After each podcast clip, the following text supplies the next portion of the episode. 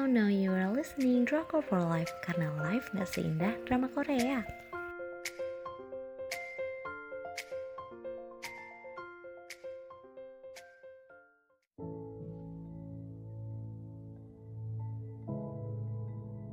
Review drama Korea Something in the Rain Jung Hae In terlibat Nona Romance dengan judul lain Pretty Nona Woo Boys Me Food atau Pretty Sister Woo Boys Me Food dengan stasiun penyiaran GTBC tanggal penayangan 30 Maret sampai dengan 19 Mei 2018 untuk jumlah episodenya ada 16 episode untuk rating 3 dari 5 selanjutnya aku bakal bacain sinopsisnya. Uh, kalau kalian pertama kali lihat uh, Son Ye Jin di Crash Landing on You kalian ke mana aja? Drama ini ceritanya tentang Jina yang udah umurnya udah hampir 40-an uh, problemnya Korea nih sama banget seperti di Indonesia. Kalau umur segitu belum nikah ya dikira inilah itulah.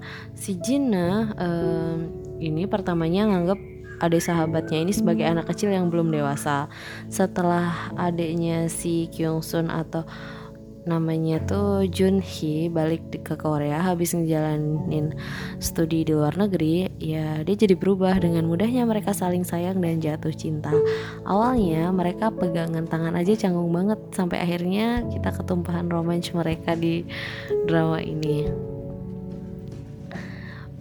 Konfliknya aura, aura ceria dan cheesy di awal episode bikin drama ini manis.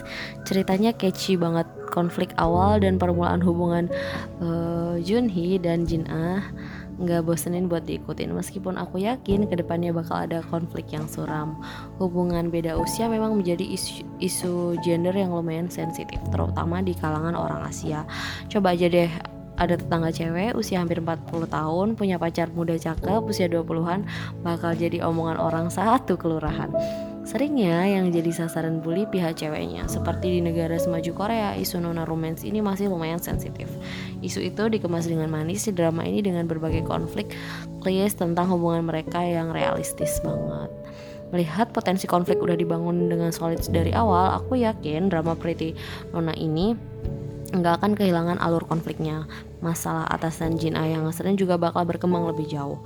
Salah satu rekan kerja Jin Ah yang tertarik dengan uh, Jun Hee juga bakal menjadi salah satu batu sandungan hubungan Jin Ah dan Jun Hee. Kelihatan banget kok di dia ini liciknya. Belum lagi masalah orang tua Jin Ah yang mempertimbangkan bibit bebet dan bobot untuk pasangan anaknya.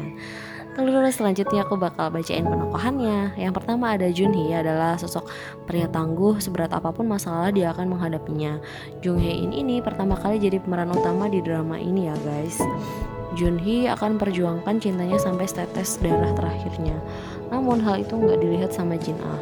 Terus selanjutnya ada Yun Ah adalah seorang wanita berusia 30 tahun tahunan uh, adalah seorang supervisor di sebuah perusahaan kedai kopi di Korea. Setiap hari dia sibuk dengan kegiatan kantornya seperti meeting, kunjungan ke berbagai kedai kopi di bawah naung naungannya dan pergi makan malam bersama para bos. Tapi sayangnya makan malam ini yang berujung dengan perlakuan kurang sopan daripada bosnya.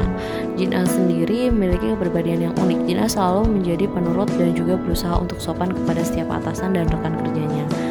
Jina selalu membantu pekerjaan teman-temannya dan selalu menjadi tameng pelindung mereka. Gak jarang Jina diperlakukan dengan kurang baik, tapi Jina berusaha untuk menerimanya sebagai bagian dari pekerjaannya. Uh, so far drama ini recommended banget buat ditonton meskipun usianya hampir 40 tapi karakter Jin A passionnya tetap seperti karakter usia 20-an masih cocok lah sama uh, karakternya untuk ditonton anak-anak muda.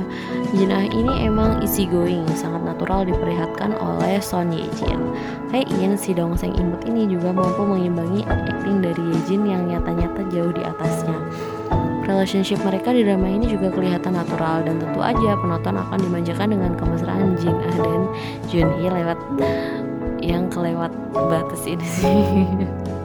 Entah harus senang atau jealous melihat mereka begitu romantis ya.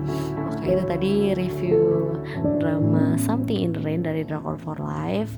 Terima kasih buat yang udah denger, yang pengen dapat hmm, daily update bisa follow di Instagram kita at for life underscore. Jangan lupa live nya pakai ya